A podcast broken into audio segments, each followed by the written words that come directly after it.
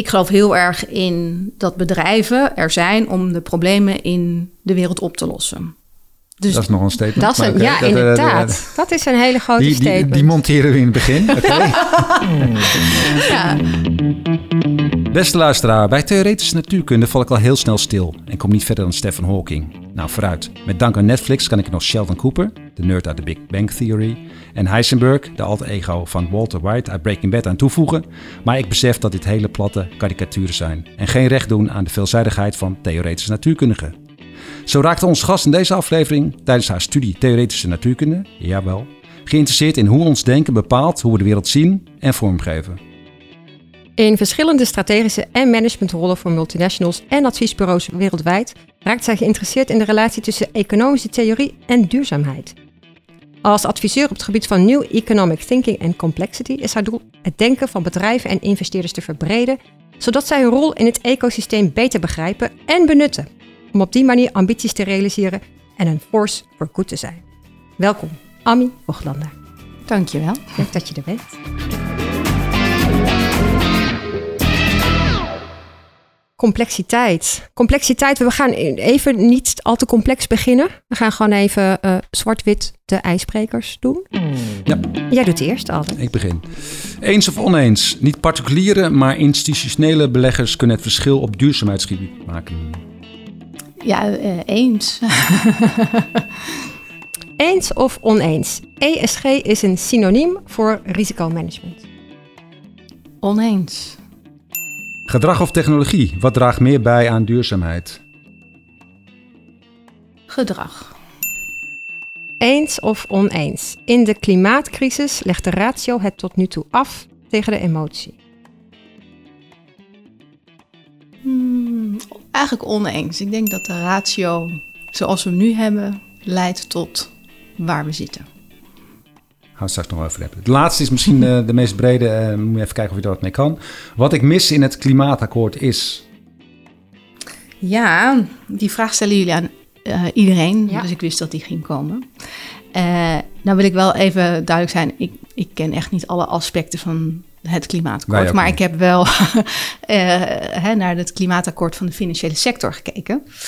En wat mij daarin opvalt is dat zij heel erg ja, goed kijken naar dat ze nieuwe doelen willen stellen. En dat vind ik bewonderingswaardig.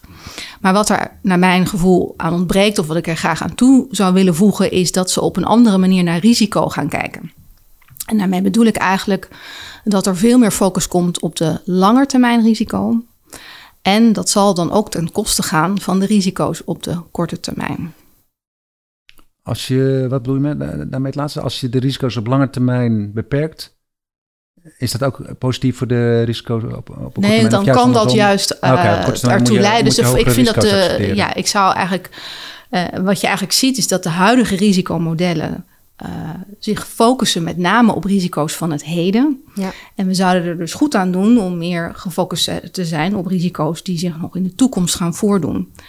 En dat ontbreekt er naar mijn gevoel aan.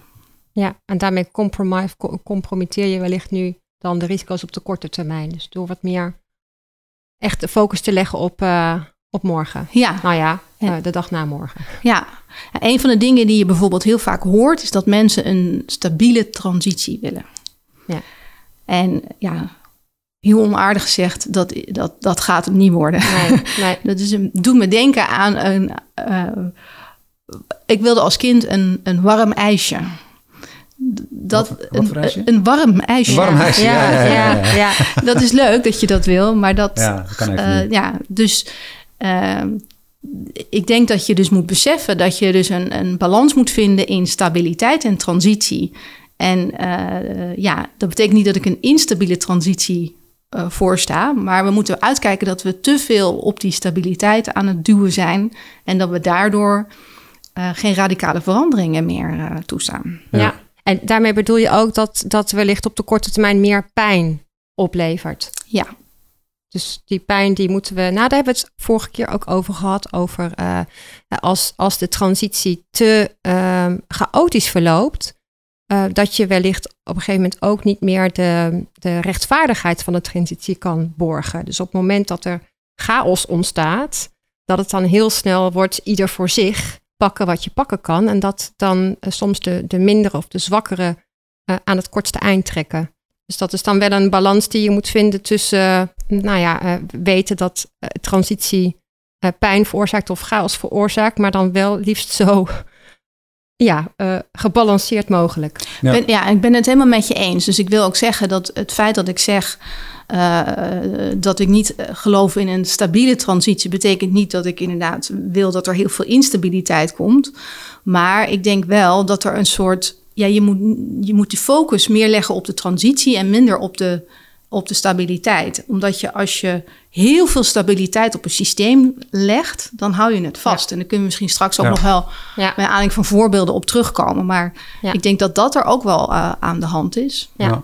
Het is wel interessant dat je het zegt, want wij um, uh, in ons beleggingsbeleid um, focussen nu, een van de pijlers is nu op just transition, dus rechtvaardige transitie inderdaad. Die transitie is heel belangrijk, maar je moet oppassen dat je uh, geen mensen daarbij achterlaat inderdaad. Dus dat grappig dat je dat nu eh, net noemde. Misschien is het goed om eerst even, ehm, eh, we horen al een aantal keren transitie, risico. Misschien kun je iets meer over jezelf zeggen. Wat heb je gedaan en wat doe je nu?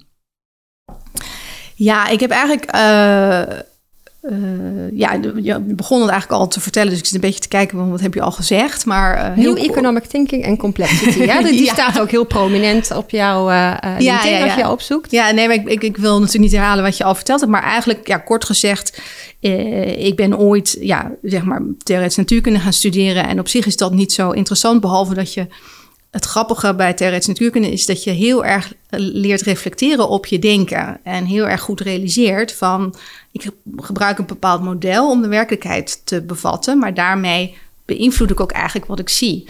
Dus ik heb me dat eigenlijk altijd heel goed gerealiseerd. En daar kwam nog iets anders bij. En dat is dat ik per toeval eigenlijk ben afgestudeerd in, uh, ja, zeg maar, wat nu complexity science heette. Maar in mijn tijd was dat chaostheorie en netwerktheorie. En dat was in 93.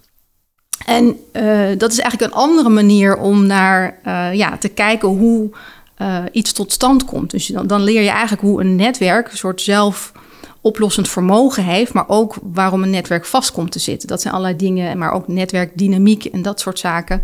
Uh, ja, heb ik toen, uh, kwam ik toen mee in aanraking. En dat vond ik ongelooflijk interessant. Um, maar in 93 was daar niet zoveel werk in. Uh, dus, dus ik uiteindelijk ja, ben uh, gewoon het bedrijfsleven ingegaan. En daar heb ik allerlei verschillende dingen gedaan. Uh, maar aan het einde zat ik in een, een rol. ik was hoofdstrategie van een grote de, groep binnen Relax. En daarin begon me steeds meer te interesseren in de relatie tussen het bedrijf en de investeerder. Um, en met name hoe zeg maar, de investeerders, naar aanleiding van hun economische modellen, naar bedrijven kijken. En ik had me eigenlijk nog nooit daarin verdiept, hoe ja, die economische modellen werken. Uh, maar toen ik dat wel deed, kwam ik erachter dat er eigenlijk een heel belangrijk aspect in die modellen ontbreekt. En dat is uh, marktdynamiek. En dat vond ik heel ja, bizar. en toen kwam ik heel snel in aanraking met een hele grote groep wetenschappers die dat net zo bizar vindt als ik. Dat heet Complexity Economist. Daar zijn er heel veel van in de wereld. Die allemaal zeg maar, aan het kijken zijn van hoe kunnen we die economische modellen nou verbreden. Maar dat gaat vrij langzaam. en ja, eigenlijk komt het er kort op neer dat gemiddelde complexity econoom jou zal vertellen dat als wij die modellen niet verbreden, dan zal het heel erg lastig worden voor ons om naar een duurzame eh, toekomst te komen. Uh, waarom? En, dat snap ik niet. waarom moet die marktdynamiek erin, in die modellen, om eh, anders uh, geen duurzame toekomst? Ja, dus, dus Eric Beinhocker heeft een prachtig boek geschreven. Dat heet The Origin of Wealth. Zou ik iedereen aanraden. Waarin hij laat zien ja, dat zeg maar, groei met name voortkomt uit de dynamiek die zich voordoet in een markt. Daarmee bedoel, de dynamiek komt voort uit de interacties in de markt. Dus we hebben nogal de neiging om te denken dat groei voortkomt uit oplossingen. Hè? Dus een bedrijf komt met een fantastische oplossing en tada, we hebben een nieuwe werkelijkheid. Maar als je heel goed kijkt, is dat helemaal niet het geval. Uh, iemand komt met een oplossing, bijvoorbeeld olie. Uh, maar daar gebeurt niks mee als de andere partij in de markt daar niet iets mee gaan doen. Als er geen vraag is. Dus de marktwerking, vraag en aanbod bedoel je dan? Nou, het is vraag en aanbod, maar het is vooral wat, gaat, wat gaan die bedrijven dan met olie doen? En dat kan soms echt dingen zijn die je van tevoren nooit had kunnen bedenken. Dus bijvoorbeeld olie heeft de voedselindustrie volledig veranderd. Hè? Eerlijk gezegd wist ik zelf niet, tot de Oekraïne-oorlog, dat kunstmest uh, ja, uit fossiele industrie, uh, fossiel komt. Dat, ja. Dus dan zie je daar ineens een afhankelijkheid ja. die, uh, even botweg gezegd, Rockefeller zich niet had bedacht. Dus wat je ziet is dat er een, komt een oplossing in de markt en dan zijn, gaan de partijen daarmee aan de slag. En die gaan zelf daar allerlei ja, dingen mee creëren. En dat zorgt ervoor dat een oplossing uiteindelijk uh, ja, zeg maar de beste in de markt wordt. Maar het had ook iets anders kunnen zijn. Net zo goed. Ja. Maar het tendeert wel naar, naar een optimum dan? Of snap ik nou Zeker, ja. Het uh, tendeert naar een optimum, maar het optimum komt voort uit uh, het feit dat de markt dat optimum creëert. Dat is een beetje een gekke, uh, ja, gekke idee. Dus als je goed kijkt naar hoe wij worden geleerd op school te denken, dan wordt ons eigenlijk geleerd dat, dat wij zeg maar, ja, even de realiteit zeg maar, kunnen observeren en daarin kunnen bepalen wat het optimum is. En de zeg maar, metafoor die de wetenschappers daarvoor vaak voor gebruiken is een landschap. Dus je kunt je voorstellen, je hebt een landschap. En nou, dan kun je gewoon kijken welke berg is, is de hoogste en dat is de beste oplossing. Hè? Als even hoogte de beste is. Um, maar als je goed kijkt naar hoe markten zeg maar, uh, waarde creëren, uh, ja, dat is veel dynamischer. Uh, dus die, die berg, die hoogte, die wordt echt gecreëerd door de partijen zelf. Dus dat ding dat groeit, zeg maar. Dus naarmate er steeds meer partijen bijvoorbeeld dan olie zijn gaan gebruiken, wordt dat steeds optimaler. Dus dat is niet objectief zo, dat is gewoon iets wat wij zelf creëren. Maar is het daarmee dan ook iets wat minder planmatig gebeurt? Dus iets wat bijna, nou misschien niet willekeurig, maar wel organisch ja, het heeft wel iets organisch in zich. Daarmee wil ik niet zeggen dat bedrijven daar niet allerlei analyses op aan het uitoefenen zijn. En, maar het interessante daarin is dat, een, dat, dat als je dus te veel uh, gaat geloven dat jouw analyses jou kunnen vertellen wat de beste oplossing is, je jezelf daarin ook vast kan zetten. Ja. Want analyses die we nu doen, uh, ja, kunnen alleen maar de huidige landschap, hè, de huidige bergen zeg maar, analyseren. En daardoor creëren ze per definitie niet nieuwe bergen. Ja. Dus eigenlijk zeg je, zoals net het voorbeeld van ja, de olie. Dus dat er op een gegeven moment een nieuwe markt uh, gevonden werd. Of zich een nieuwe markt aandiende. Waarmee de toepassing van, van, van olie ook bijvoorbeeld voor de, voor de voedselindustrie uh, interessant werd. Um, dat is, um, dat, dat, dat, dat is een, een, een nieuwe actor waar ze misschien op voorhand de olieindustrie geen rekening mee had gehouden. En waardoor weer een nieuwe, een nieuwe markt ontstaat en daarmee groei wordt gecreëerd. Maar dan ben ik nog wel benieuwd, want we kwamen erop over waarom is dat dan niet goed? Of waarom, Oh, dat is fantastisch. Dat, dat is goed. Oh, oké, oké, nee. Maar is dan daar, over? Daar, is niks mis daar mee. is niks mis mee. Nee, nee, nee. En waar gaat het dan spaak als je kijkt naar, naar, nou, naar, naar ons nou, duurzaamheidsverhaal? Uh, ja, nou, wat ik, wat ik dus eigenlijk, uh, en dat zeg ik niet alleen, maar dat zeggen dus uh, heel veel complexe, complexe economisten die zeggen. Het probleem is eigenlijk dat onze huidige modellen te weinig inzoomen op de marktdynamiek en de invloed van marktdynamiek op uh, ja, de, uh, op het zelfregulerende vermogen van een industrie. Dus je hebt in sommige gevallen positieve marktdynamiek, maar je hebt dus ook marktdynamiek die ervoor kan zorgen dat een markt vast kan komen te zitten. Kun je daar een voorbeeld van geven?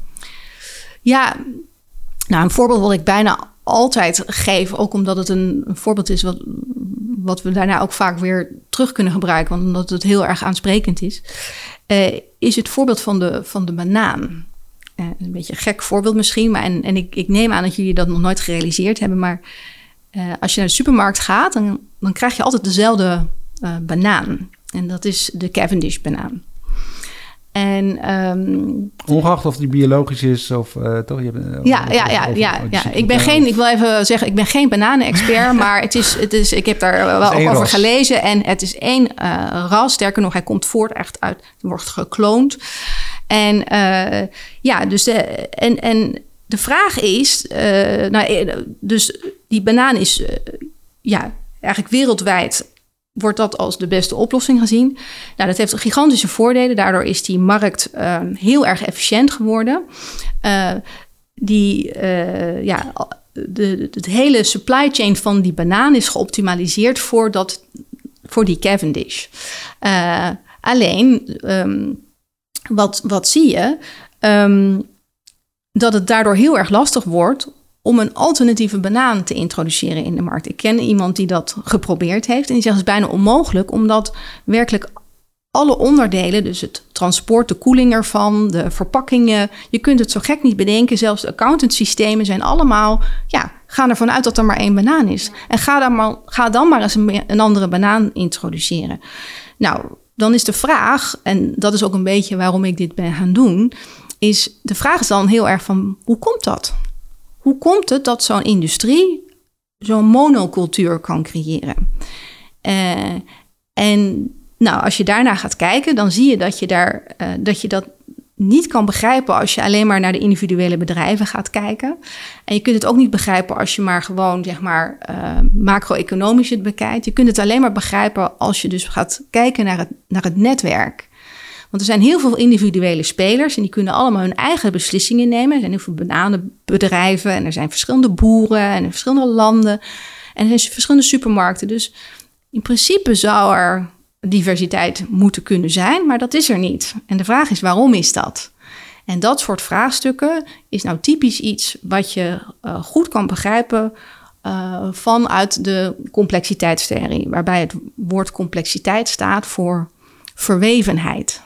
Dus het staat niet voor lastig, nee. het staat voor, uh, het komt van het woord um, complexus hè, in het Latijn en dat betekent verwevenheid. Dus je kijkt naar ja, de, de markt en hoe de interacties zijn en naar aanleiding daarvan ga je dan kijken, hey, nou begrijp ik wel waarom we één banaan hebben. Ja, en, de, en dat komt dan niet heel simpel gezegd gewoon voort uit het het fenomeen dat we een, een proces willen hebben waar je je kosten wilt drukken, um, wat, wat, wat um, overzichtelijker of kostenefficiënter is als je maar met één productsoort uh, werkt?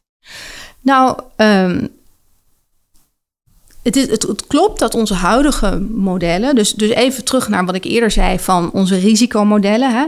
Dus uh, die bananenindustrie die uh, ziet er vanuit onze huidige risicomodellen, en dan ben ik een beetje, chargeer ik een beetje, want er zullen ongetwijfeld partijen zijn die wel hè, wat intelligenter daarnaar kijken, maar even de simpeler modellen zeg maar, die je hiervoor gebruikt, die, die zien eigenlijk een hele stabiele markt. Want op het moment dat iedereen dezelfde banaan gebruikt, kan je wel voorstellen dat als er bijvoorbeeld in Ecuador uh, droogte is, dan kan dat heel snel elders worden opgelost. Ja. Dus het ziet eruit als een hele, niet alleen maar efficiënte markt, maar ook een hele uh, ja, resilient markt eigenlijk. Ja. Heel stabiel, weerbaar, ja. heel weerbaar.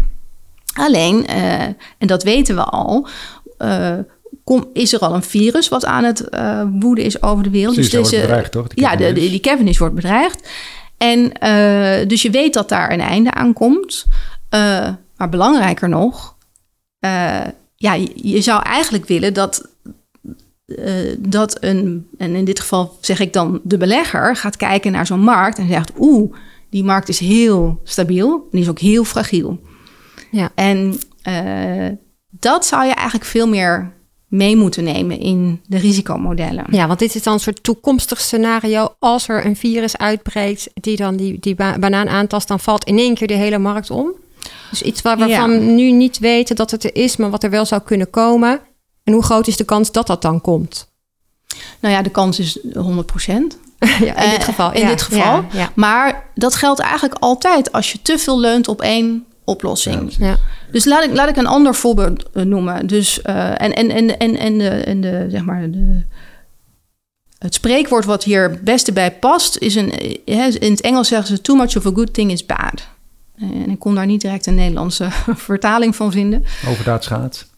Ja, zoiets, ja. precies. Maar dat je dus dingen zijn goed totdat, totdat je er te veel van hebt. Mm -hmm. ja. En um, je, je kan als belegger eigenlijk al van tevoren uh, zien dat het dus een fragiele markt wordt, omdat het te veel één kant op is gegaan. Oh ja, en ik ging nog een voorbeeld noemen.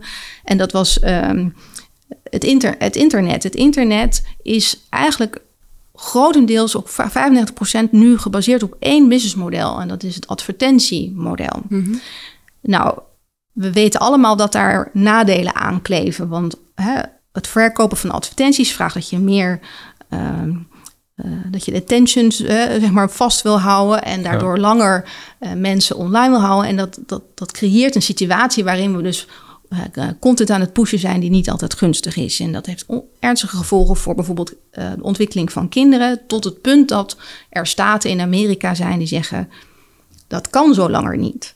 Dus we zien al de grenzen van dat businessmodel. Ja, mobieltjes uit de schoolklas bijvoorbeeld vorige week. Ja, ja. en dat heeft gevolgen voor de omzet hè, van, de, van de bedrijven. Mhm. Dus zij, en zij zijn niet gek, zij weten ook wel dat, dit, dat, deze, ja, dat hier een einde aankomt. Niet, niet in de zin van, maar ze kunnen hier niet in blijven groeien, zeg maar. Dit is geen duurzame groei. Hm. Dus zij moeten om. En de vraag is, waarom gaan zij niet om? En dat is omdat dat heel erg lastig is, omdat die hele markt heel erg vastzit in dit ene model en ze met elkaar daarin vasthouden. Ja. En dat heeft eigenlijk meer te maken met de structuur van de markt dan dat er een paar rotte appels in de top van, dit, hm. van deze bedrijven zitten, zeg maar. Dat, ja.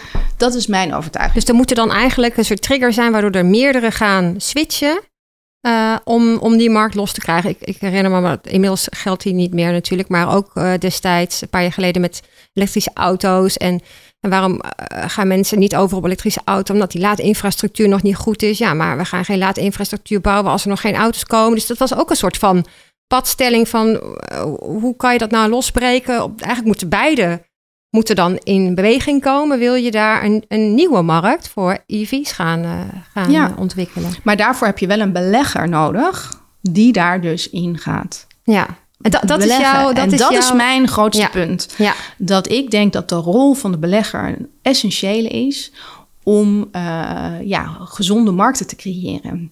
En uh, dat, dat eigenlijk de manier waarop beleggers zich nu ja, verhouden daartoe, dat, niet bewerkstelligt. Maar vind je ook dat, want je hebt bijvoorbeeld nu ook over uh, grote institutionele beleggers, neem ik aan, pensioenfondsen. Ja. Vind je dat die dan ook een maatschappelijke verantwoordelijkheid hebben?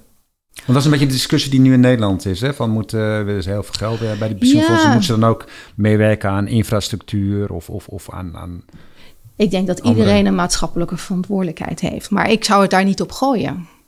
Ik zou gewoon op iets anders gooien. Ik zou zeggen, als die belegger hun rol niet beter pakt, dan, dan, zijn we, dan is het een lose-lose situatie voor allemaal. Inclusief de pensioenfondsen en inclusief alle mensen die een pensioen nodig hebben over 40, 50 jaar. Mm. Dus het is helemaal niet iets ethisch. Uh, het gaat ook om, gewoon om economische groei. Ja, oké. En nog heel even, even wat je zegt van oké, in die modellen moeten we dus meer die, die marktdynamiek uh, inbrengen. Maar dat zijn toch vaak dingen uh, waarvan je nu... Je weet toch niet wat je niet weet. Dus hoe, hoe kun je dat dan in modellen inbrengen? Ja, waarschijnlijk heel Ja, ja, nee, nee. Helemaal, absoluut niet. Nee, nee, zeker niet. Nou ja, het vraagt dus om... Uh, om ja, en dat, dat, dat zijn dan ook weer modellen en die zullen ook weer niet compleet zijn. Hè? Maar het vraagt eigenlijk om een nieuwe kijk op in een industrie. Dus uh, in plaats van dat de belegger heel erg kijkt naar de resultaten, en de huidige resultaten, ga je veel meer kijken naar, uh, naar, naar de gezondheid van een industrie. Uh, dus bijvoorbeeld in die bananenindustrie zou ik zeggen dat die beleggers al lang hadden moeten zeggen: Nou jongens, die gaan niet goed. Ja, ja, terwijl zeg maar de prestaties van die individuele partijen misschien wel heel erg goed zou kunnen zijn. Uh, omdat ze allemaal hetzelfde aan het doen zijn, uh, ja, gaat dat niet goed. En als je kijkt, wat ik interessant vind, is dat beleggers hebben het heel erg veel over diversificatie. Uh, maar ondertussen kijken ze helemaal niet naar of is een, is een markt nou echt divers. Dus dat zouden ze denk ik veel meer moeten kijken. En ja, heel eerlijk gezegd, ik, ik vind het fijn dat er goed gekeken wordt naar hè, ook diversiteit van ja, zeg maar de top en dergelijke. Uh, maar het gaat met name wat er divers in de hoofdjes van de mensen zit. Dus ja, uh, ja ik denk dat, dat men vaak niet goed... Nou ja, tenminste, de diversificatie van nu gaat ons niet per se helpen. Nee, want de diversificatie van nu zit meer over het spreiden van de portefeuille. Ja. Dus dan kijk je, zeg je, kijk dan ook naar die, die, die uh, individuele belegging die je doet in die specifieke markt, waarvan je al kan zien dat je dus niet op termijn uh, niet goed gaat uitpakken, omdat de markt dan te, of dat het ecosysteem waar je in uh, belegd hebt, dan te, nou ja, te, te niet divers is of te, ja, te, fragiel. te fragiel is. Ja, en nou, ja. Ja, dat, dat vind ik wel grappig, want dat was in je omschrijving. Hè? Jij noemt het in het begin ook even. Investeerders laten zien wat hun rol is in het ecosysteem. Uh, dat beter te begrijpen. En dat te benutten om zo de, hun ambitie te realiseren een force for good te zijn. Hoe? ja, kijk, ik, uh, dit is ook waarom ik uh, dit werk ben gaan doen. Dus ik geloof heel erg in dat bedrijven er zijn om de problemen in de wereld op te lossen. Dus dat is nog een statement. Dat is een, ja, inderdaad. dat is een hele grote die, statement. Die, die monteren we in het begin. Okay. Um, ik geef ook uh, gastcollege op de universiteit. En ik vraag um, vaak aan de studenten of zij, ja, of zij denken dat bedrijven waarde creëren. En ik weet het antwoord daar ook wel op, omdat ik ooit een keer een, een survey van Gallup heb gezien. waarin werd gezegd dat mensen onder de, ik geloof dat het 30 was, uh, 75% ervan denkt dat bedrijven ja, geen force for good zijn of sterker nog niet bijdragen aan, een, ja, aan de maatschappij. En ja, het is heel simpel. Als jij als bedrijf geen waarde toevoegt aan de maatschappij, dan op een dag besta jij niet meer. Nee. Zo simpel is het voor mij in elk geval. Um, dus het bedrijf is er om een probleem op te lossen. En uiteindelijk, ja, niet om problemen te creëren. Mhm. Maar waarde toevoegen kan je ook doen door gewoon goede winsten uit te, uit te keren voor je, voor je shareholders. En dan voeg je ook waarde toe. Nee, dat, is, uh, dat lukt je niet. Je kunt niet waarde voor de aandeelhouder creëren zonder op de lange termijn ook waarde te creëren voor je klant. Ja. Uh, en op de lange termijn ook waarde te creëren voor de planeet. Dus, en ik snap wel dat die dingen uit elkaar gehaald kunnen worden. Bijvoorbeeld, hè, dat op korte termijn misschien hè, het een meer aandacht kan krijgen dan het ander. Maar als je echt zeg maar een bedrijf bent wat op de lange termijn wil bestaan.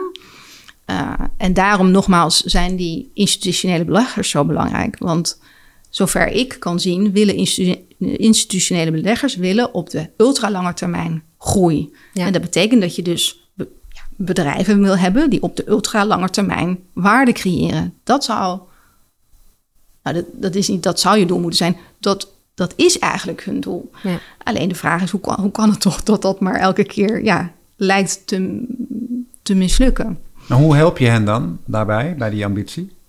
Door te laten zien uh, dat dus de uh, gezondheid van een industrie belangrijker kan zijn dan de prestaties van de individuele spelers in de industrie. Dus dat je als belegger eigenlijk je blik moet verbreden om langetermijn groei te realiseren. Ja, maar daar zit dan toch die trade-off tussen korte termijn, uh, uh, lange termijn. Hè? Dus want, mhm. want inderdaad, het, het interveneren in een markt of dat proberen open te breken, wil op de korte termijn niet altijd zeggen dat dat lucratiever is. Nee. Dus dan, maar dat dus, hoeft ook dat, voor, nee, voor een pensioenfonds. Voor een pensioenfonds hoeft dat niet. Nee. Tenminste, uh, dat zou het niet ho moeten hoeven. Als ik met pensioenfondsen praat, dan zeggen ze ja, maar we hebben ook wel heel veel regelgeving die het voor ons best wel lastig maakt om risico's te nemen hè, op, de, op de lange termijn. Dus daarin speelt dat ook wel. Dus, um... Ja. Nou ja, en risico's te nemen op de lange termijn. Hoe weet je dan of je met uh, het, dus, het dus openbreken van een markt waarvan de afloop wellicht ongewis is, versus ik heb ogenschijnlijk nu op de korte termijn gewoon een prima, goed lopende belegging. Uh, dat zijn afwegingen die je kunt modelleren. Of vraagt dat eigenlijk gewoon gezond boerenverstand van kijk eens gewoon even wat breder, duik eens in die markt en zie dat dit niet houdbaar is? Ja, mijn, mijn overtuiging is dat, uh, dat het doel van die pensioenfondsen is uiteindelijk om de langer, op de lange termijn te groeien. En Stel nou dat je dus uh, naar zo'n Cavendish banaan kijkt, hè, dan kun je gewoon zeggen op de lange termijn haal ik daar geen groei meer uit. Hm. Dus als je dat gewoon goed analyseert, daar heb je geen risicomodel voor nodig, bedoel je? Dan kan je gewoon Met een nou oog zou je dat, zou je dat, moeten, zou je dat moeten kunnen zien. Maar het beste is als je dat dan ook even in je modellen uh, zet. Want anders dan, ja, we hebben, ja, we hebben vaak modellen nodig om onze beslissingen te nemen. Dus je moet dat er wel, je moet dat gewoon mee gaan nemen. Dus wat je dan mee gaat nemen in je risicomodellen is dat je bijvoorbeeld, uh, ja, gaat kijken per industrie. Hoe staat het ervoor? En dan op die manier ga je naar je portfolio kijken. Ja. En alleen al dat doen creëert een andere werkelijkheid. Ja. Dat is dus het interessante ervan. Want beleggers hebben wel degelijk ook een impact op hoe die industrie zich uiteindelijk uh, evolueert. Dus op het moment dat er een voorkeur is voor iets stabiels zoals, als zo'n Cavendish-banaan, dan, dan wordt dat een self-fulfilling prophecy. Maar dan wordt die crisis ook een self-fulfilling prophecy. Ja, dan weet je gewoon zeker dat het gaat gebeuren. Ja. Ja, ja, ja. En is, is dit dan ook, hè, want we hadden het net in de, in de dilemma's over gedrag versus eh, technologie. Is dit ook waarom jij voor gedrag kiest? Dus leg jij daarmee de bal bij de beleggers neer, dat zij met hun gedrag um, de grootste, nou niet de grootste klinkt meteen weer zo, maar uh, een hele belangrijke rol hebben te spelen? Nou, eigenlijk, kijk, ik moest kiezen van jullie. Dus, ja. uh, ik, was, ik was verrast door je keuze moet zetten. Ja, ik, ik had echt uh, ik ook. het ingezet in technologie. Um, kijk, uh, of heb je het meer over consumentgedrag in nee, geval? Nee, nee, nee. Ik had het wel over, over gedrag. Kijk, wat, uh, wat, wat ik vaak zie is dat uh, als er een probleem is, dan zie je vaak dat mensen op verschillende niveaus dat probleem op proberen te lossen. Trouwens, dit is niet iets wat ik heb bedacht. Uh, Donella Meadows, van, uh, bekend van de Club van Rome, die heeft op een gegeven moment gezegd: ze hebben eigenlijk verschillende niveaus van interventie als we een probleem zijn. En zij heeft er twaalf en ik heb dat teruggebracht naar vier, want twaalf is een beetje veel. En de eerste is oplossingen of technologie. we gaan het probleem oplossen. tweede is uh, betere doelstellingen.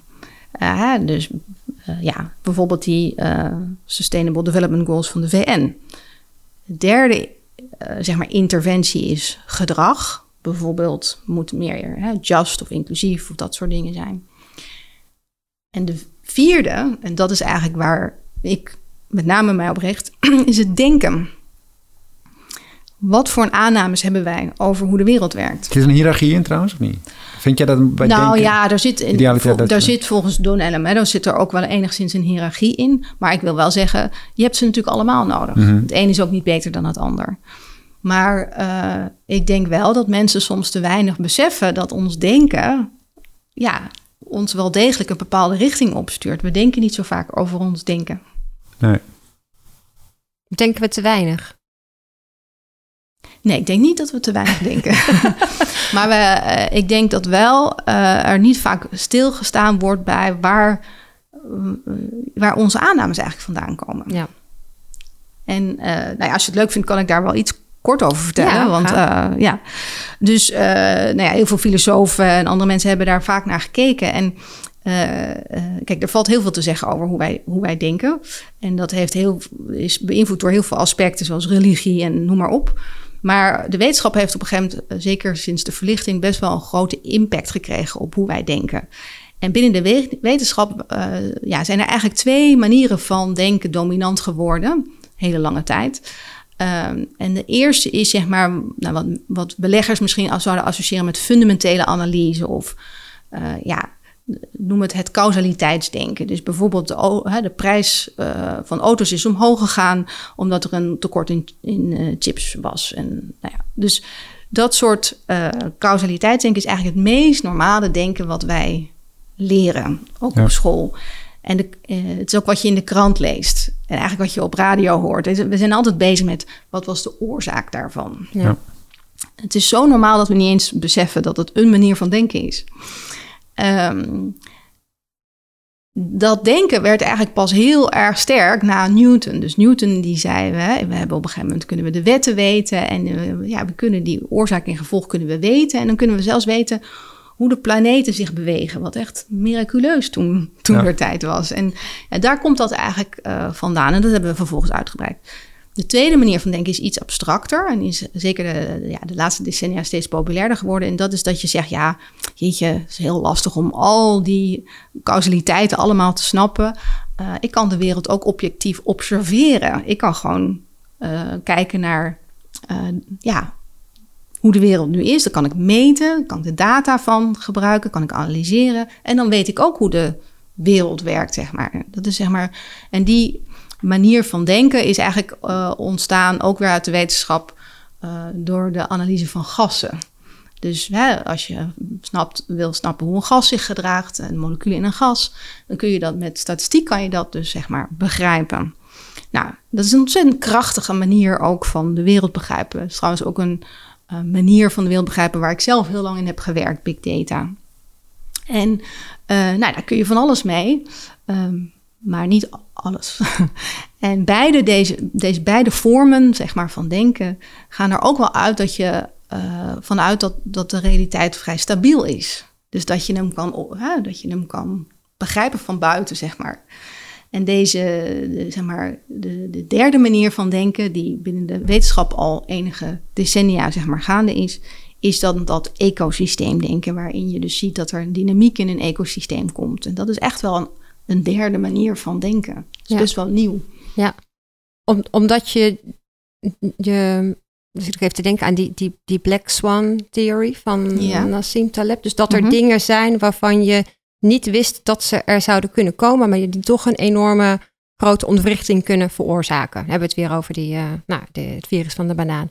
Dus die, die, die veronderstel je dan wel in die derde manier van denken, die in dat meer causaliteitsdenken. En de tweede, hoe zou je die typeren? Dat is Sta statistisch denken. Statistisch denken. Um, die zien we over het hoofd. Ja, waarbij het belangrijk is te begrijpen dat die uh, crisis in de banaan. Uh, eigenlijk gebeurt door de markt zelf. Dus het is, we, we, we, sommige mensen denken dat een black swan dat is ook de, ja, ja, tsunami is of zo. Nou ja, dat het van buiten komt. Ja, maar ja. Uh, je moet begrijpen dat wij deze crisissen zelf aan het creëren zijn. Ja. Dat is het grote verschil.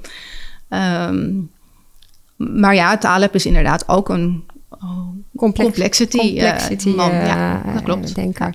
Nog even een vraag over die um, uh, we hadden het net over de, de rol van de institutionele belegger uh, en wat ze met name lange termijn horizon hebben. Geldt um, dat in zekere zin of uh, ook voor, voor, wat wij zijn als BNP, wij zowel een beleggingstak als ook een, een bankentak, dus meer de, de financier.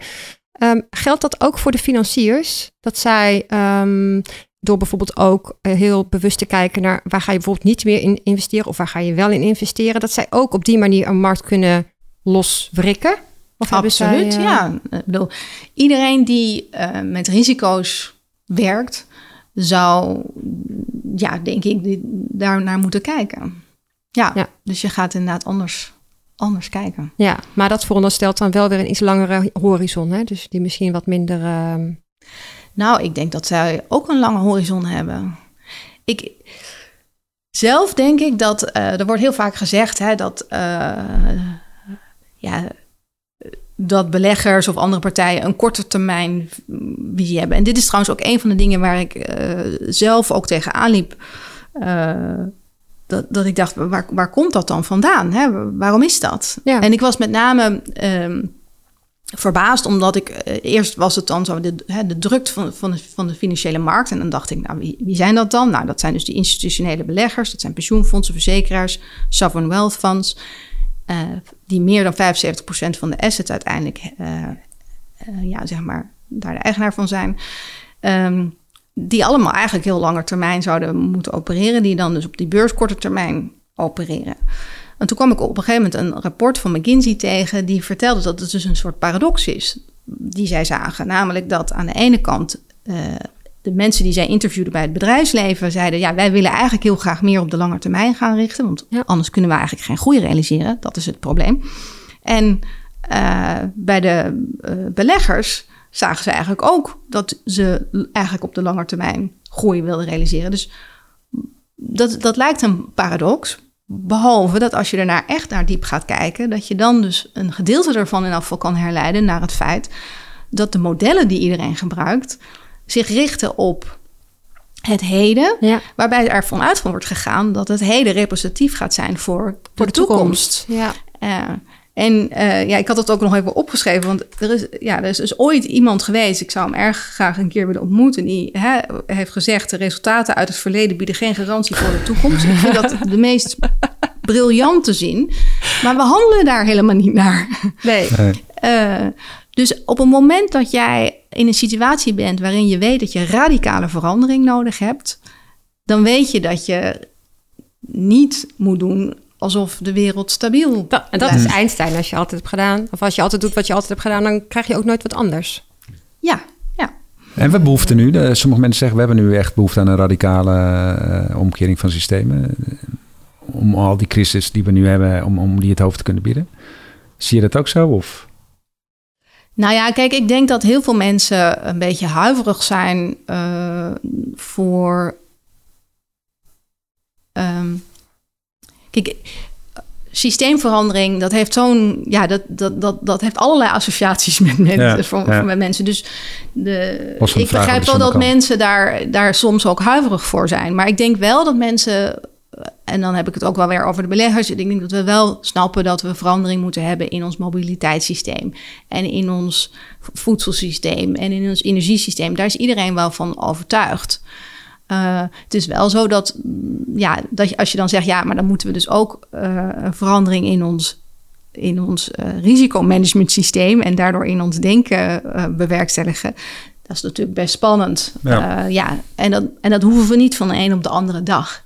Ik zeg ook helemaal niet dat de huidige risicomodellen helemaal geen functie meer zouden hebben, want die zijn nog steeds heel nuttig. Alleen zou je meer moeten doen, zeg maar. Maar zie je dat ook terug in gedrag? Zie je dat ook dat het gedrag verandert als gevolg van anders kijken naar de wereld? Nou ja, dan ligt het een beetje aan uh, over welk gedrag je het hebt. Misschien heb je het over het consumentengedrag en daar heb ik minder. Uh, nee, ik heb meer okay. de, de, de ja, beleggingsgeld nu meer gaan naar. Uh, nou, wat ik, wat ik merk is dat ik, ik, ik, ik luister dan meer naar de woorden. Hè? Dus wat, ik, wat mij opvalt is dat er. Ja, er, er wordt wel veel meer gesproken over diversiteit, over ja. Dus, dus in die zin zie ik wel een verandering. Ja, maar is het lipservice tot nu toe? Of?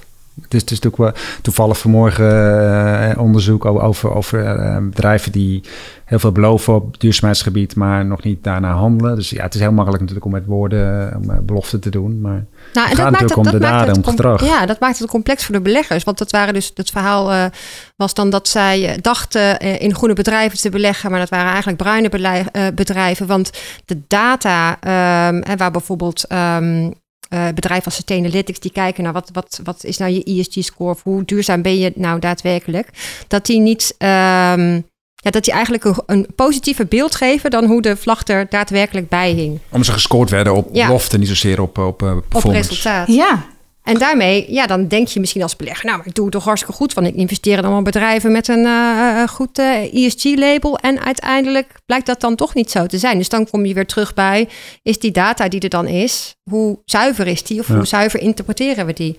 Data is een beetje jouw terrein, toch? En dat, is volgens mij echt, echt een hobbel. Want dat, ja. hoor ik steeds. Nee, op het moment als we de data maar goed hebben, kwalitatief en kwantitatief, dan, eh, dan, dan, nou, dan wordt alles duidelijk. Maar die, nou ja, en dat is dus heel erg dat eerste denken. Hè? Dus dat, dat je dus, uh, of die eerste twee eigenlijk, uh, manieren van denken. Dus aan de ene kant dat als we alle data hebben, dat we het ook allemaal snappen. En dan vervolgens dat als we alle doelen goed hebben, dat we, dan, uh, dat we er dan zijn. en ja, dus Thomas Schelling heeft ooit in de jaren 60 laten zien dat uh, de macro-uitkomst en de intenties van de microspelers niet overeen hoeven te komen. Dus wat bedoelde hij daarmee? Dat, dat, dat, dat het dus mogelijk is dat je in een markt bepaalde spelers hebt met echt een intentie om bijvoorbeeld. Uh, en dan heb ik het even over het klimaat, bepaalde klimaatdoelstellingen te, te realiseren. En dat de macro-uitkomst uh, er een is waarin dat helemaal niet gebeurt dat is iets wat wij heel erg uh, uh, lastig vinden. Want ons is op school geleerd dat je wel degelijk hè, uh, macro-uitkomsten kunt begrijpen van wat er op microniveau ja. gebeurt. Ja. en de enige reden waarom die twee uit balans kunnen zijn, heeft te maken weer met die interacties en die marktdynamiek. Dus je kunt dat alleen maar snappen als je dat meeneemt in je, in je denken. Ja. Dus ehm, en het gevaar is een klein beetje dat, ja, zeg maar, als je dan als belegger gaat denken, ja, ik, ik geef die bedrijven toch bepaalde doelstellingen en we meten dat toch, dan moet dat toch gewoon gebeuren. En als dat de enige knop is waarop je aan het duwen bent, uh, en je verliest daarbij uit het oog dat er ook nog zoiets is als, als die interacties en die marktdynamiek. Laat ik meer die banaan nemen. Als je alleen maar gaat, gaat duwen, maar, maar eigenlijk helemaal niet goed kijkt naar hoe die markt verder gestructureerd is, dan kom je er niet per se. Dus je moet uh, uh, veel meer gaan kijken naar ja, hoe is zo'n markt nou eigenlijk opgezet. En een, ja, zeg maar een gezonde markt heeft dus van zichzelf dat het wat minder uh, vast aan elkaar zit en dat er meer dynamiek in zit, zeg maar. En dat, uh, dat is eigenlijk wat eraan ontbreekt. Dus de belegger zou veel blijer moeten zijn met een beetje hogere volatiliteit. En dat is natuurlijk best wel gek, maar dat is eigenlijk waar je naar op zoek bent. Zou je dan ook nog, uh, als je nou ja, je bent niet klaar met complexiteit, maar bijvoorbeeld gedragspsychologie zou je dat er ook nog bij moeten voegen eigenlijk. Van wat, wat maken mensen nou voor een keuze op, op wellicht op basis van de uitkomst van bepaalde modellen. Want ook dat, dus hoe, hoe, welke keuze maak je vervolgens als mens? Of wellicht dat ze hem toch wel even aanstippen, welke keuze maak je nou als AI op basis van de data die jou beschikbaar is? Um, in hoeverre is daar menselijk gedrag ook nog een hele bepalende in? Nou ja, menselijk gedrag is, is natuurlijk uh, essentieel. Ik zal wel heel eerlijk zijn, dat is niet een gebied waar ik me mee bezig hou. Maar één ding hou ik me wel mee bezig, is dat, uh, kijk, het, het, uh, wij gedragen ons ten opzichte van elkaar. Dus, dus ja, ik kom hier bijvoorbeeld mm, enigszins netjes gekleed. Dus maar eh, omdat dat de norm is, omdat dat is, dat hebben we met elkaar bedacht dat dat ja, hoort of zo. En dan zie je ons een dagje voor, goh, had helemaal niet gehoeven.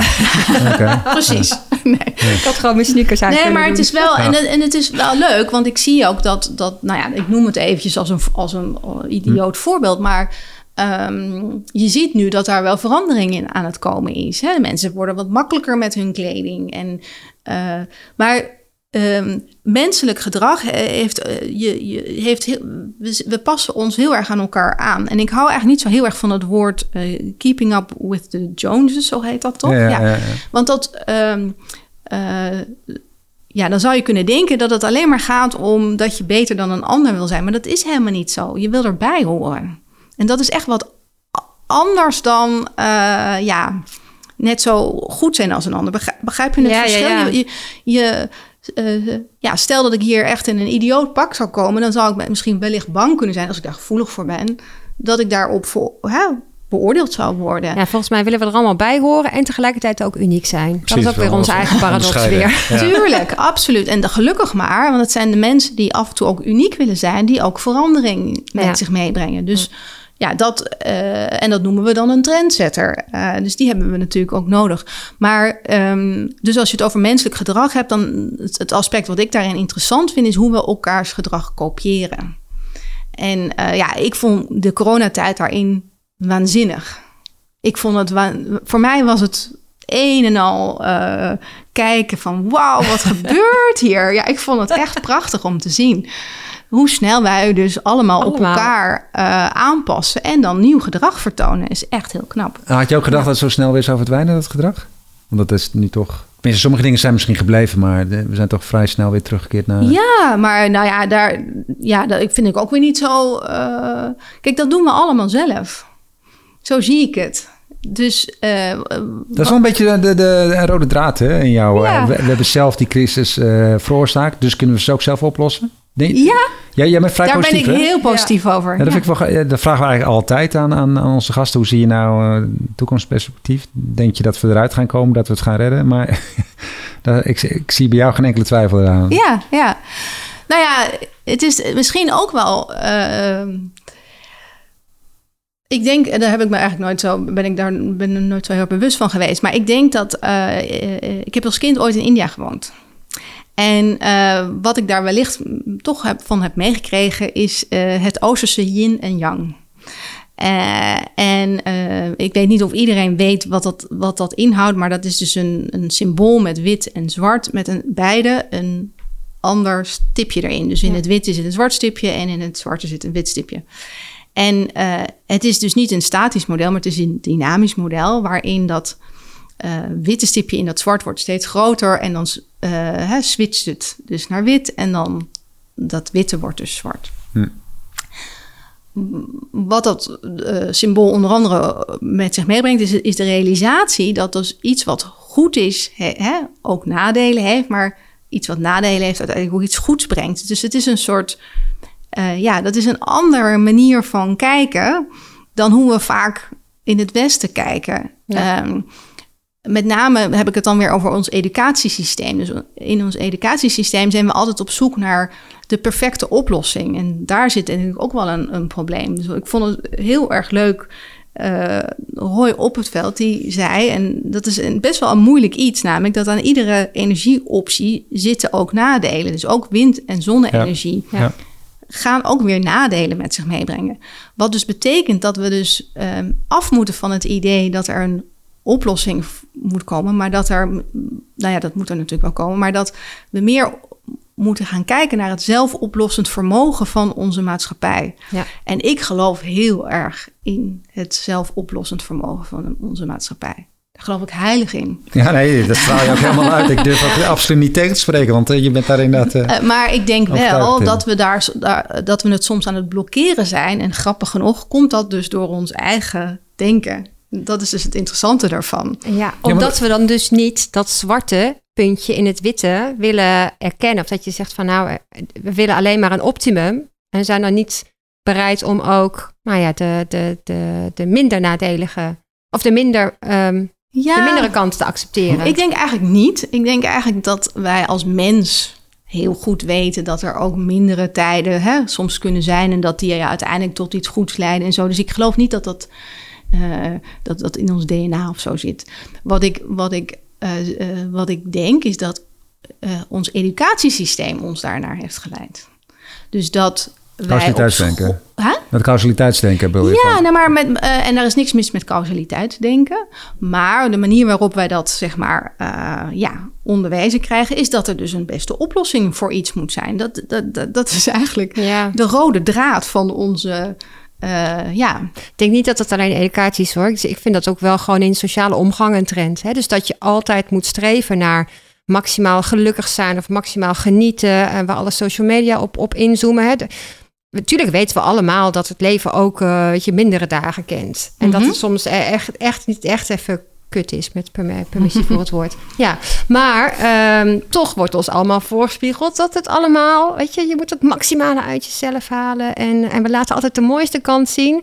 En die minder mooie kant, die, ja, die, die mag er voor de buitenwereld vaak niet zijn. Dus ik denk ook wel dat het een soort cultuur dingetjes. Nou, dat, we misschien onze donkere kant een beetje verloren zijn. Ja, maar ook weer als je dan weer naar ons denken gaat. Het is uh, zeg maar heel veel economisch denken gaat er, gaat ervan uit dat als wij allemaal zeg maar, het beste doen, gezamenlijk, dat we dan ook het beste resultaat uh, uh, gaan krijgen. Misschien, misschien wel een hele, het lijkt een beetje iets anders, maar het is wel een hele grappige, ja, ook weer metafoor uh, die Brian Arthur hierin heeft gecreëerd. En hij heeft het, uh, de, de, je kunt het opzoeken, dat heet uh, het L for All model. En dat is vernoemd naar een Ierse bar. Is wel een grappig verhaal, want hij hield heel erg van een bepaalde bar. En hij vroeg zich af, en er waren heel veel mensen die de, die, die bar heel leuk vonden. Hij vroeg zich af hoe het kwam dat die bar toch niet overvol raakte. En hij zag dus dat uh, ja, de mensen eigenlijk zelf konden reguleren wanneer ze naar die bar gingen. Maar om het iets makkelijker te maken, vertel ik het vaak op een andere manier. En zeg ik altijd, stel je nou voor dat je naar een hele grote supermarkt gaat... waar echt heel veel verschillende kassa's zijn. En uh, er voortdurend iemand um, uh, om zou roepen wat de beste kassa is... in de zin wat de kortste lijn is. Mm -hmm. Op het moment dat die persoon dat omroept... Klopt het, klopt het niet meer. Nee. nee. dus... Uh, dat, dat, dat, dat laat hij dus ook zien in zijn model. Dat als iedereen zeg maar de perfecte informatie zou hebben en perfect zou handelen, dan wordt het dus automatisch het minst perfecte. Moeten we toch eens nagaan bij de Efteling of die wachtrijen, hoe dat dan bij hun uitpakt. Op de app kan je precies zien wat de wachtrij is voor de attractie. Ja. nou is het in een supermarkt zo, en dat is namelijk wel grappig daarvan. Stel je nou voor dat je zo'n supermarkt had, hè, waarin er dus voortdurend zou zeggen kassa 2, kassa 5. Die waren het toch? Er was een supermarkt die gaf uh, gratis boodschappen op het moment dat je de vierde in de rij was. Ja. Oh, oké. Ja, oké. Ja, maar, dan, maar ze gingen niet omroepen wat de beste rij was. Nee, dan moest je zelf, moest je dat, dat moet je zelf doen. Ja. En dan gaat erom dat iedereen, kijk, op dit moment die supermarkt die werkt zo fantastisch. Omdat iedereen op zijn eigen manier zit, probeert na te gaan. Wat is nou de kortste rij? En de een kijkt naar de, hè, hoeveel, hoeveel spulletjes in een mandje zit. En de ander die kijkt naar het aantal. Of een combinatie daarvan. Maakt allemaal niet zo uit. Maar we hebben allemaal dus onze eigen strategie daarin. Maar op het moment dat er dus een alwetend persoon... Hè, die super slim is en echt, echt heel goed weet hoe lang het gaat duren... Uh, dat dus aan gaat omroepen...